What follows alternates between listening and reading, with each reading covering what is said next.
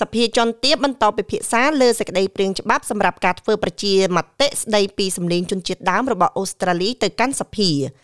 ស្ត្រីអាយុ95ឆ្នាំម្នាក់ត្រូវបានប៉ូលីសចាប់ខ្លួននៅមណ្ឌលថែទាំមនុស្សចាស់បានស្លាប់នៅមន្ទីរពេទ្យប៉ូលីសសហព័ន្ធអូស្ត្រាលីបានចាប់ផ្ដើមស៊ើបអង្កេតលើអតីតបុគ្គលិកនៃក្រុមហ៊ុនគណនេយ្យ PwC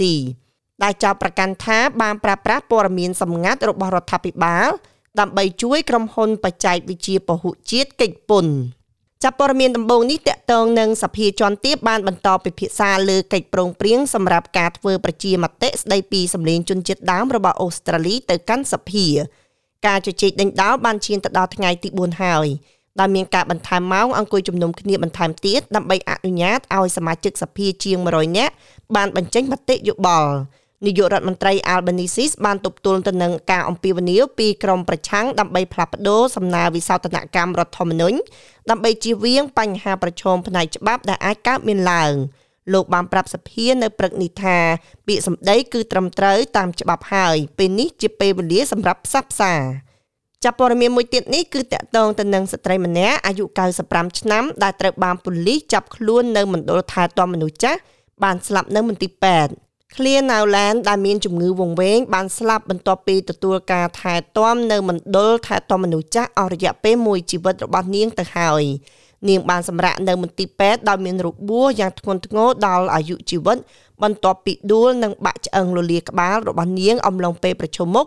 នឹងប៉ូលីសនៅ Yalambi Lodge នៅក្នុងក្រុង Khoma កាលពីថ្ងៃទី17ខែឧសភា លោក Christine Vai អាយុ33ឆ្នាំត្រូវបានចោទប្រកាន់ពីបទបង្កគ្រោះថ្នាក់ដល់រាងកាយធ្ងន់ធ្ងររំលោភបំពានលើរាងកាយជាក់ស្ដែងនិងការរំលោភបំពានធម្មតា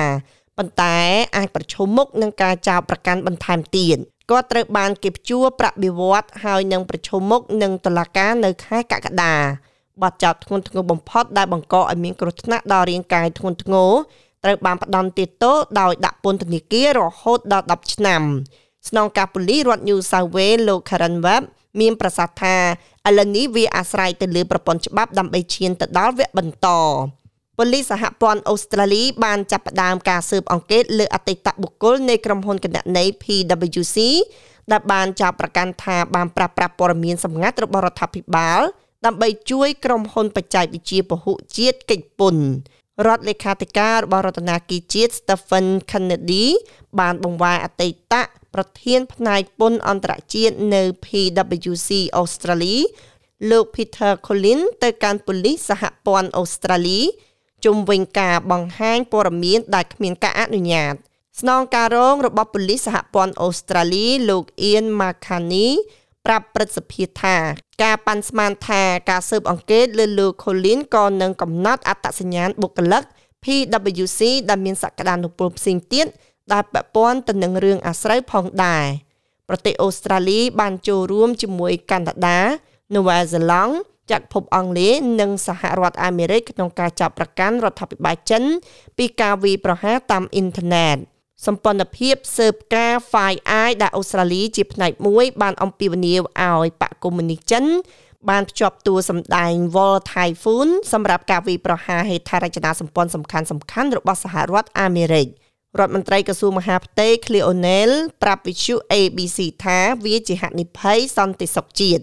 ព័ត៌មានមួយទៀតនេះគឺតកតងទៅនឹងគ្រួសារអូស្ត្រាលីប្រឈមមុខនឹងការកាត់ឡើង25%នៃវិក័យប័ត្រភ្លើង ខណៈដែលនិយត្តករភ្លើងកំពុងដំឡើងថ្លៃថ្មីការផ្ដល់ជូនទីផ្សារលំនាំដើមដែលបង្កើតឡើងដោយនិយត្តករធម្មពលអូស្ត្រាលី កំណត់អ្នកលក់រាយតម្លៃអតិបរមាអាចគិតថ្លៃនៅក្នុងតំបន់ជាក់លាក់ចាប់ពីថ្ងៃទី1ខែកក្កដាអតិថិជនតាមលំនៅឋានអាចរំពឹងថានឹងឡើងថ្លៃពី19.6%ដល់24.9% ខណៈដែលអាជីវកម្មខ្នាតតូចអាចមើលឃើញការកើនឡើងពី14.7%ទៅ28.9%រដ្ឋមន្ត្រីធម្មពលនិងការប្រាព្រោះអាកាសធាតុលោក Chris Bowin មានប្រសាសន៍ថាការកើនឡើងតម្លៃនិងកើនឡើងខ្ពស់ប្រសិនបើរដ្ឋាភិបាលមិនធ្វើអន្តរាគមន៍ហើយគ្រួសារដែលមានសិទ្ធិទទួលបានការបញ្ចុះតម្លៃនិងឃើញការថយចុះនៃវិក័យប័ត្ររបស់ពួកគេ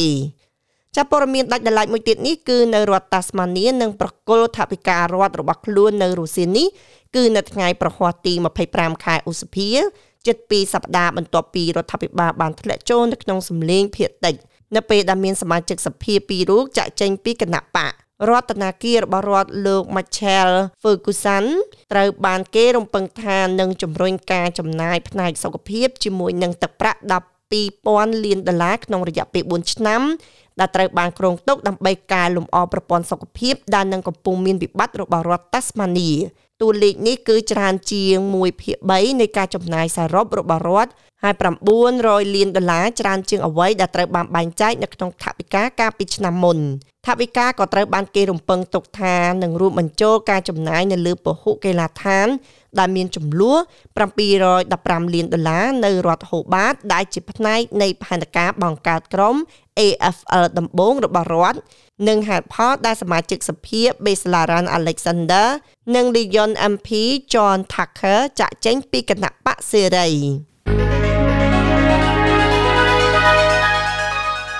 ចាសម្រាប់ការព្យាករណ៍អាកាសធាតុនៅថ្ងៃនេះនៅផឺកមានពពកច្រើន19អង្សា នៅអាដាលេដមានភ្លៀង17អង្សា នៅមែលប៊ននេះក៏មានភ្លៀងជាបន្តបន្ទាប់16អង្សា នៅខេនបារ៉ាគឺមានថ្ងៃរះល្អ16អង្សា នៅស៊ីដនីក៏មានថ្ងៃរះល្អ23អង្សា នៅព្រីស្បិនក៏មានថ្ងៃរះល្អ